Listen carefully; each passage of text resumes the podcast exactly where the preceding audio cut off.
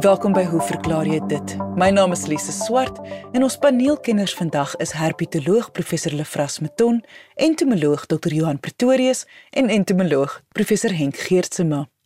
Ons kop vandag se program af met 'n vraag van Derek van Sail van Belwel wat wil weet hoe suikerbekkies dit regkry om hul kuikens met hul lang, dun bekke te voer en of hul kuikens op nektar grootgemaak word. Baie voëls drink nektar en gedurende die proses bestuif hulle natuurlik ook nou die die blomme of die plante. Baie voëls drink net nektar by geleentheid, maar by ander is nektar die primêre voedselbron. Die mees bekende van hierdie laasgenoemde groep voëls is seker die suikerbekkies van die ou wêreld wat dan nou Afrika insluit.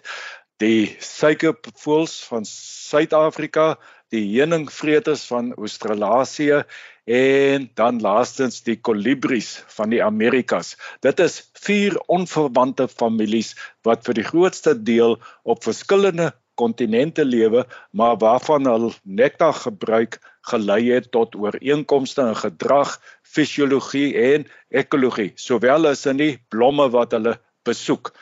Die voëls drink dan nou gewoonlik van opvallende rooi of oranje blomme, buisvormig of met bosselagtige bloeiwysers. Nou hierdie kleure kontrasteer beter as enige ander kleur. Ek sê hierdie kleure bedoel nou rooi en oranje. Kontrasteer beter as enige ander kleur met groen vir beter waarneming dan nou deur die voëls. Uh die voëls moet die blomme van ver af kan sien om energievermorsing te vermy in hul soeke na blomme. Om die hoë energiebehoeftes van die voëlbestuivers te bevredig, moet die plante groot blomme hê of hulle moet bloeiwyse hê wat baie nektar produseer. Nou in Suid-Afrika is die beter bekende buisvormige blomme die van die alwyn erika, willedagga en vierpylsoorte. Terwyl borselbloeiwyse die van proteas, speldekussings en die Natalse barcode is. Dit is nou die Natalse bottle brush as ek nou die Engels mag gebruik. Die suikerryke nektar wat deur voëls benut word is baie verdun om die viskositeit laag te hou sodat die voëls dit maklik kan drink. Nou die voëls suig nie die nektar op nie, hulle lek dit op met hulle tonge. Nektar wat vir insekte bedoel is, het gewoonlik weer 'n hoër viskositeit. Nou nektar is die ideale voedsel vir klein voëlsoorte met hoë energiebehoeftes. Ons weet hoe kleiner 'n diertjie is, hoe ongunstiger is die oppervlak volume verhouding en hoe meer energie word benodig om die liggaamstemperatuur konstant hou want baie energie gaan op die oppervlak verlore gaan. So 'n aantal jare gelede het professor Sue Nicholson en haar span aan die Universiteit van Pretoria uh vasgestel dat 'n 8 gram witpens suikerbekkie ongeveer 2.7 gram suiker per dag benodig. Dis 'n derde van sy liggaamsmassa. Hierdie suiker kan relatief vinnig uit nektar verkry word en 'n suikerbekkie hoef net 'n paar minute uit elke uur te voed. Die gemiddelde konsentrasie van nektar wat vir voël bestuivers bedoel is, is 20% op 'n gewig tot gewig basis wat beteken dat elke 20 gram suiker saam met 80 gram water kom. Nektar kan egter nog meer verdun wees wat sal beteken dat groter volumes ingeneem moet word om energiebehoeftes te bevredig en sodoende sal dan ook meer water ingeneem word. Vir 'n suikerbekkie om sy verlangde daaglikse energie uit verdunde alwyn nektar wat 10% suiker bevat te verkry, moet dit omtrent 3.5 maal sy eie liggaamsmassa aan nektar drink die ekwivalent vir 'n 70 kg persoon sou wees om in een dag 245 liter Coca-Cola wat min of meer dieselfde suikerkonsentrasie het te moet drink. Nou dit is baie erg, 245 liter per dag. Al die oortollige water wat dan nou so ingeneem word, moet natuurlik ontslae van geraak word. 'n Klein bietjie geskied deur verdamping, maar die grootste deel word deur die ekskatoriese stelsel, die niere en dan ook die spysverteringskanaal uitgeskei. Die die die, die niere is in staat om groot volumes vloeistof te prosesseer sonder noemenswaardige verlies aan opgeloste stowwe. Verder word 'n deel van die water glad nie in die spysverteringskanaal geabsorbeer nie, maar sommer direk saam met die verteringsreste uitgeskei. Nou, hoe dit ook al sy, die suikerbekkies skei daagliks groot volumes vloeistof via die niere en die spysverteringskanaal uit. Ons kan sê hulle is sulke lekkende uh voeltjies, nê, nee, hulle piepie basies die hele dag. Gedurende die winter bied nektar nog 'n verdere uitdaging. Die groot volumes koue nektar wat ingeneem word, moet natuurlik nou dadelik verwarm word sodat die liggaam se temperatuur nie onder 40 grade daal nie. Dit verg verdere energie en dis meer nektar wat gedrink moet word. So baie verdunde nektar gaan dis nie baie goed of gaan dis nie baie goed in die winter werk nie. Nektar bevat daarom nou nie net suikers nie, maar ook ander bestanddele wat belangrik vir voëls mag wees. Beide essensiële en nie essensiële aminosure asook natrium en kalium ione kom in nektar voor. Alhoewel hul snavels en fisiologie aangepas is vir die benutting van nektar, is nektar nie suikerbekkies en suikervoëls se enigste voedselbron nie. Hulle eet ook insekte en dit is juis die insek komponent van hulle dieet wat hulle in staat stel om hulle kuikens moeiteloos groot te maak.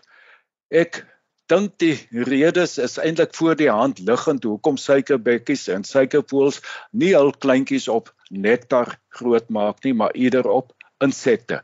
Die lang snavels sou dit baie moeilik maak om kleintjies met nektar te voer. Die eie die ouers sou die die nektar in die oopgesperde bekkies van die kleintjies moet laat indrup wat natuurlik 'n groot mate van noukeurigheid sou verg. En dan sou die kuiken ook nog sy bek elke dan en dan moet um, moet toemaak om te sluk, so baie druppels sal nou nie eers in die kuiken se mond of se bek beland nie. Met die lang snavel kan 'n kan 'n insek egter met groot gemak in die oopgesperde bekkies van die kuikens geplaas word die lang bekke is amper nou soos 'n soos 'n tangetjie, 'n harttangetjie of pinset wat mense dit ook al noem. En ja, dit is 'n baie handige manier om om insekte aan aan die die kuikens te te voer. En daar sal ook geen vermorsing plaasvind nie. Die tweede belangrike rede sou wees dat dit problematies kan wees om kuikens aan nektar gebruik se hoë waterlading bloot te stel die oortollige water sou ook moes uitgeskei word en dit sou in die nes moes gebeur en en dit sou natuurlik dan nou uh, gelei het tot 'n permanente nat nes. Dan derdens, die kuikens het nie so seer suikers nodig nie, maar eerder proteïene vir groei. Alhoewel nektar wel aminosure bevat, is insekte 'n baie meer gebalanseerde dieet om die gesonde ontwikkeling van kuikens te verseker. So Derek, uh ja, ek dink nektar is soos ons nou verduidelik het, sal nie uh, goed werk nie. Die lang snavels van suikerbekkies is egter ideaal om insekte aan die kleintjies te voer en so die die die, die kuikens word op insekte grootgemaak. En dit was herpetoloog professor Lefras Meton. Indien jy 'n vraag het, stuur jou e-pos na lise, dit is L I S E by rsg.co.za.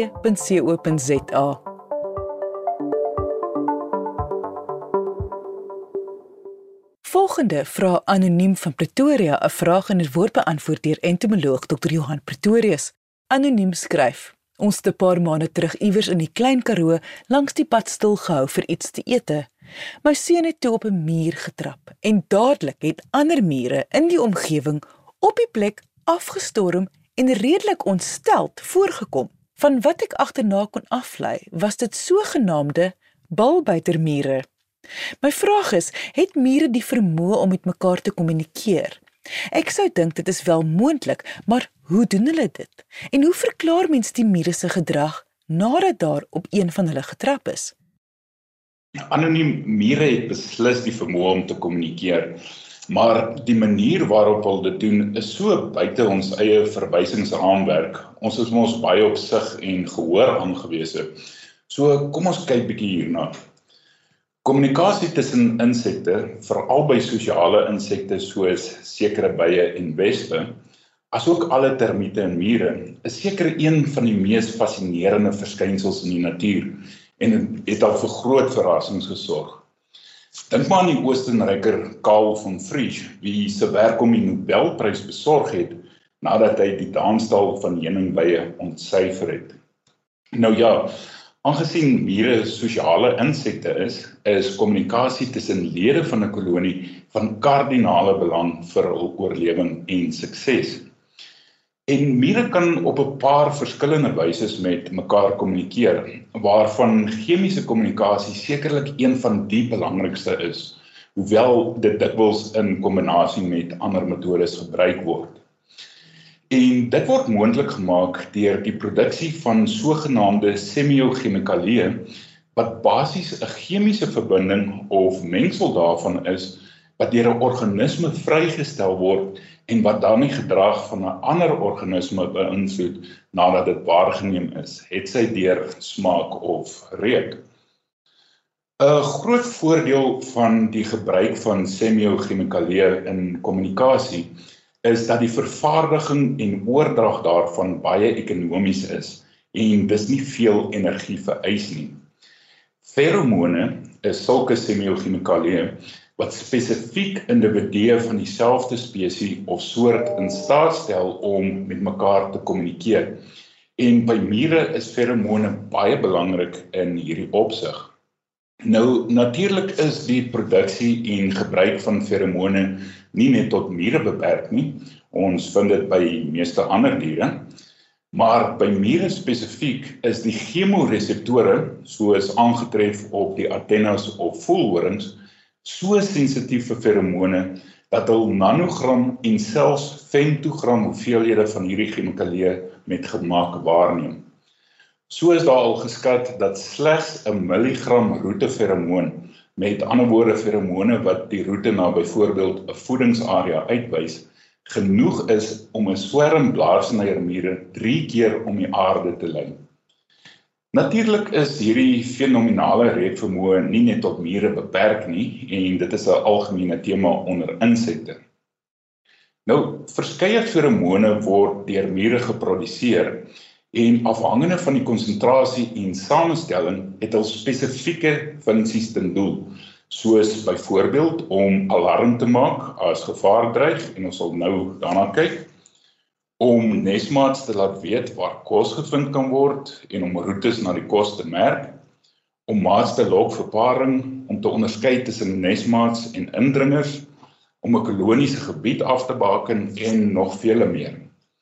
By een muurspesies wat in die noordelike halfrond voorkom, is daar selfs gevind dat die werkers 'n vlugtige feromoon afskei gedurende die lente wat dan die koningin en larwes uit hul winterdiapouse of rus ontwaak.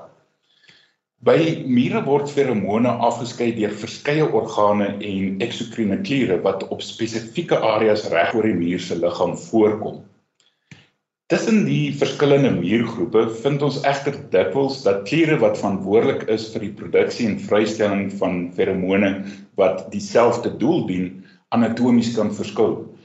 Byvoorbeeld, een spesies muur sal roeteferomoon in die gifklier van die agterlyf produseer en vrystel terwyl 'n ander muurspesies weer dieselfde feromoon in die tibiale kliere van die pote vervaardig en um, vrystel.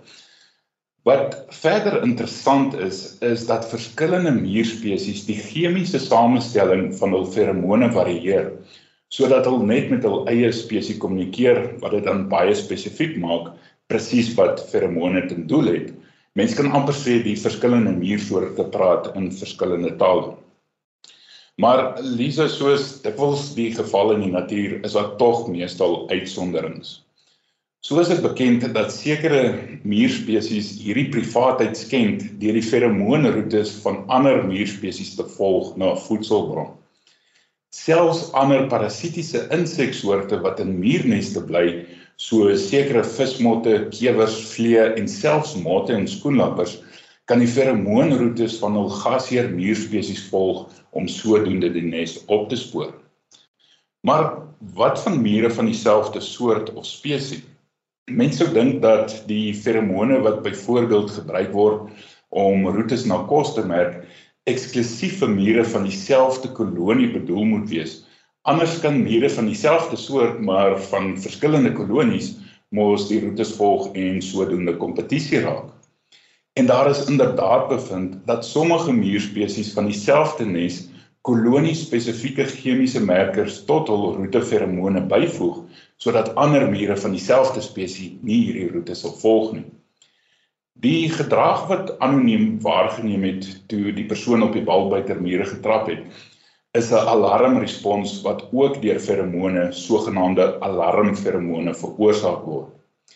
En wanneer dit dan by alarm maak kom, is daar basies een van twee reaksies wat mure toon.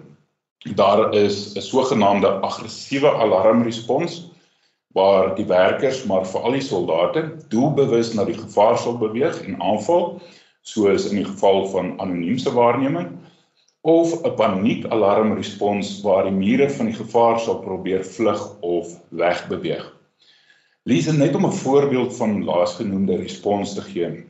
So 'n klompie jare terug kom ek af op 'n kolonie grootkop huismure in die genus Paidouli wat oënskynlik doelloos buite hul nes rondgemaal het en van die werkers het selfs larwes en papies in hul kake rondgeraap wat hoogs ehm um, onwaarskynlik is. By nadere ondersoek vind ek toe dat die mure se ondergrondse kolonie in die proses was om deur komando-mure aangeval en geplunder te word.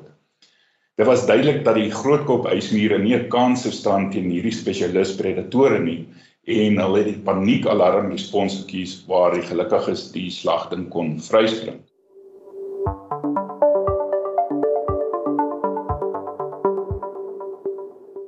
Die konsentrasie van feromone is ook belangrik in mure se gedrag.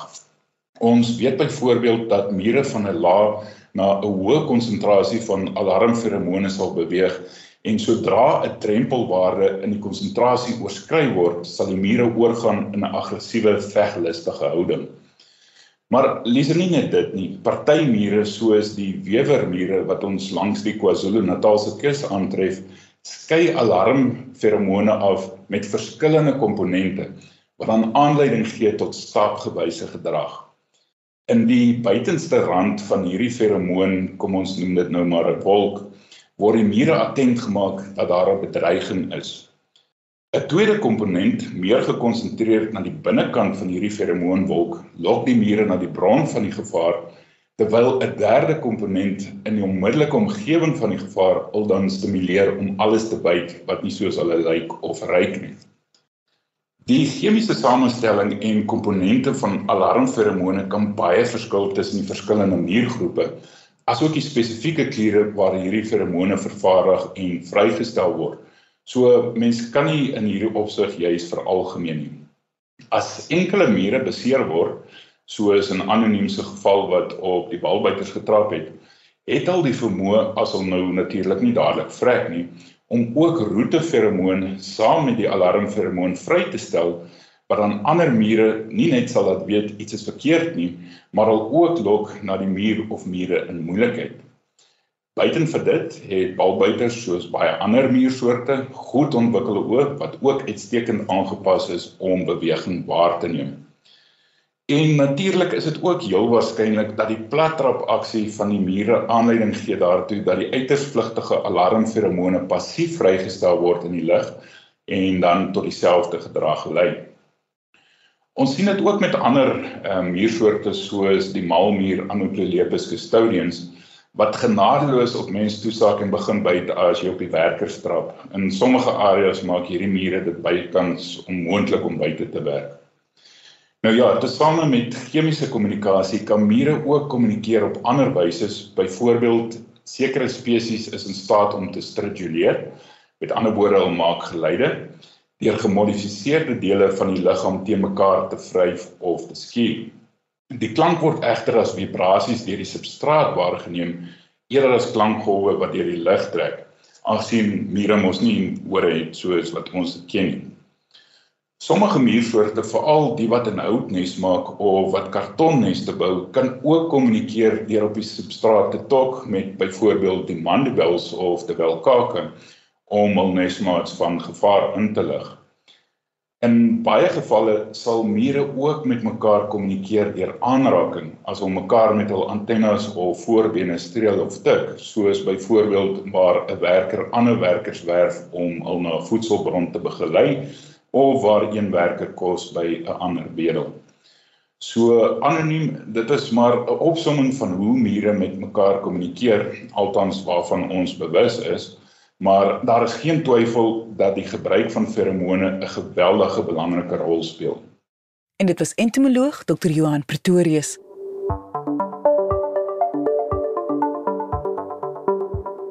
Uit my argiewe duik 'n vraag van 6 April 2020 op van Thea Thiele van Victory Park in Johannesburg.